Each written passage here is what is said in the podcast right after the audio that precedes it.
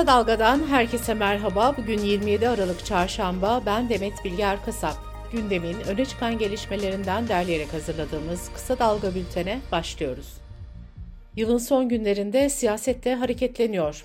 Hüdapar Genel Başkanı Zekeriya Yapıcıoğlu meclis konuşmasında özellik çıkışı yaparak eyalet sistemi, özellik ve federasyon gibi yönetim modellerinin tüm yönleriyle serbestçe tartışılması gerektiğini söyledi. Yapıcıoğlu'na yanıt veren Adalet Bakanı Yılmaz Tunç, değiştirilemez maddelerin tartışılması söz konusu olamaz dedi. MHP Genel Başkanı Devlet Bahçeli'nin hedefinde ise Can Atalay için hak ihlali kararı veren Anayasa Mahkemesi, CHP ve DEM Parti vardı. Anayasa Mahkemesi Başkanı Zühtü Arslan'a "Bay Zühtü senin ipin kimin elinde?" diyen Bahçeli, Yüksek Mahkemenin kapatılmasını istedi.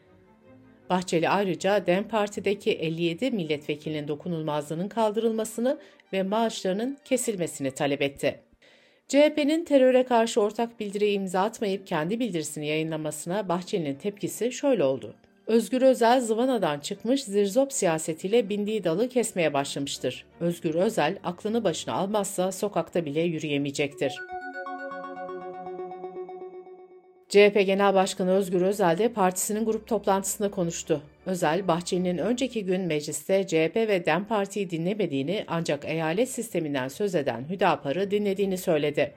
Özgür Özel, Erdoğan ve Bahçeli iyi siyasetçiler ama kötü insanlar dedi. İktidara seslenen Özel şöyle konuştu. Suudi Arabistan kralı öldüğünde 3 gün yas ilan ettiler. Bu ülkenin 12 evladı şehit edildiğinde milli yas ilan etme ihtiyacını görmüyorlar. Bu arada Bahçeli'nin sözlerine CHP'lilerden de sert tepki geldi. CHP İstanbul İl Başkanı Özgür Çelik herkes haddini bilsin dedi.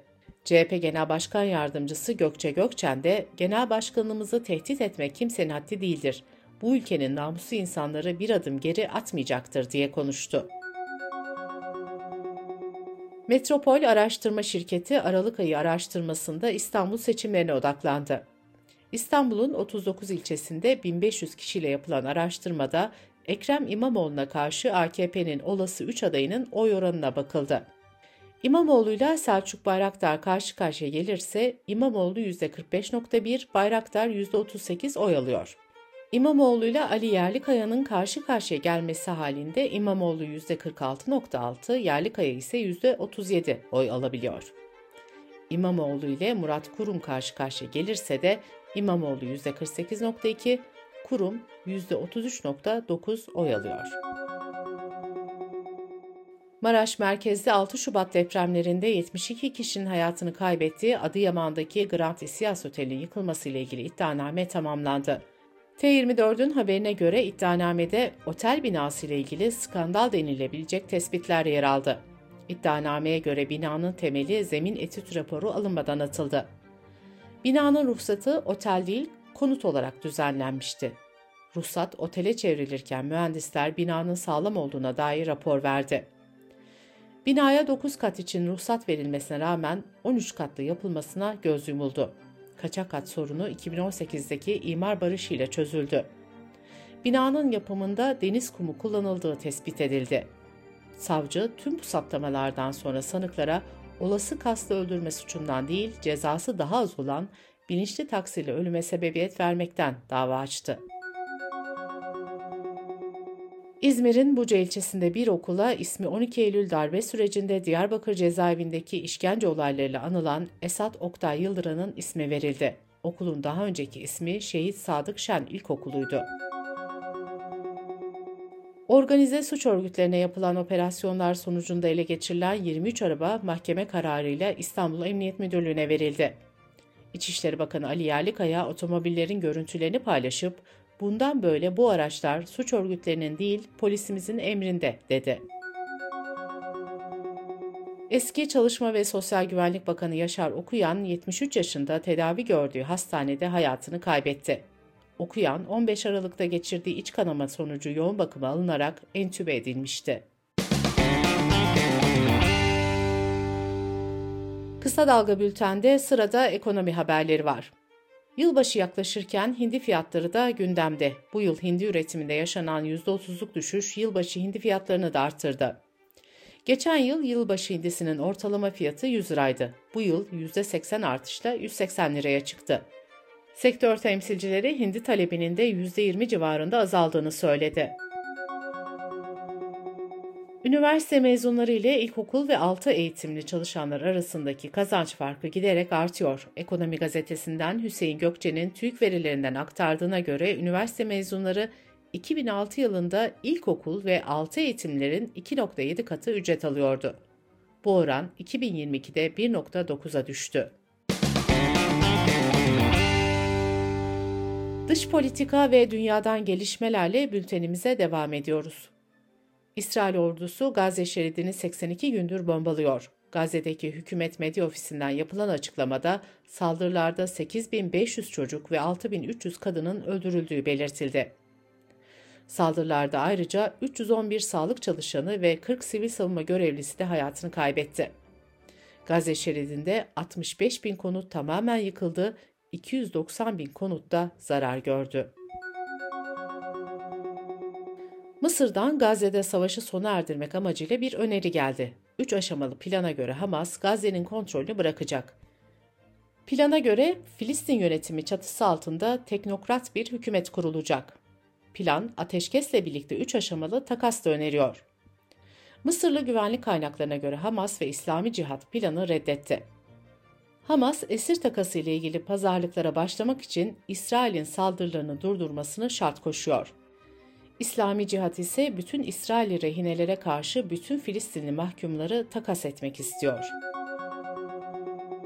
İran Devrim Muhafızları Ordusu'ndan General Razi Musavi, İsrail tarafından düzenlenen bir hava saldırısında öldürüldü. İran Devrim Muhafızları Ordusu misilleme yapacaklarını açıkladı. Şam yakınlarında öldürülen Musavi'nin Suriye ile İran arasındaki askeri ittifakın koordinasyonundan sorumlu olduğu belirtiliyor. Amerika'ya ulaşmak isteyen 10 bin kişilik yeni bir göçmen konvoyu Meksika'dan yola çıktı.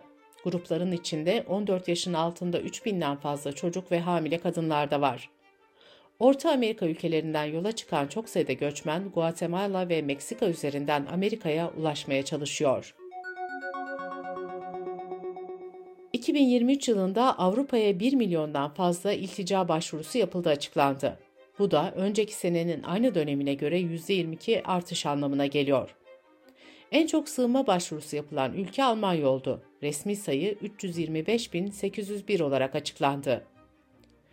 Bu yıl Almanya'ya gelip ilk kez sığınma başvurusunda bulunan Türkiye Cumhuriyeti vatandaşı sayısı ise 55.354.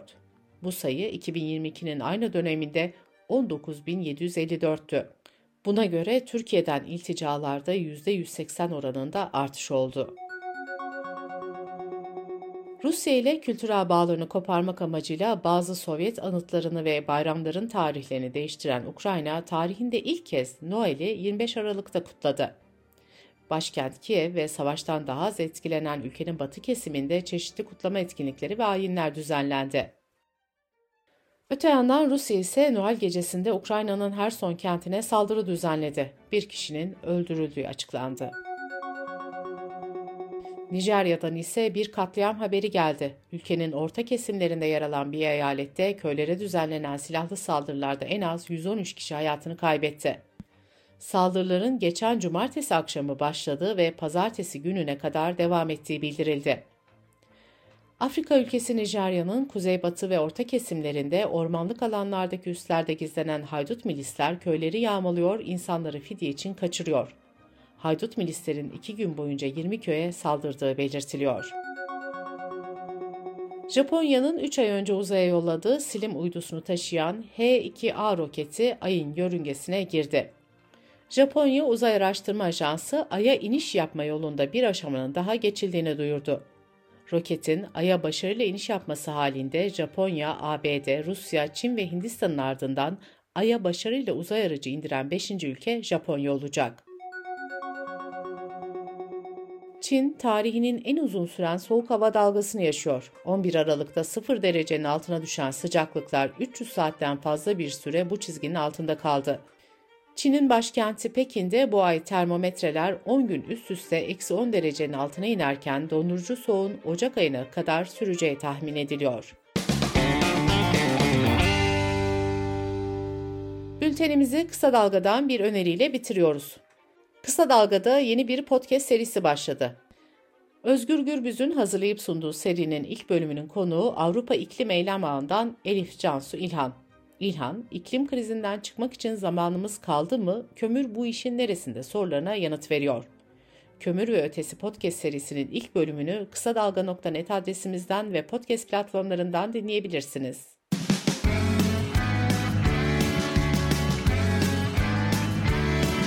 Kulağınız bizde olsun. Kısa Dalga Podcast.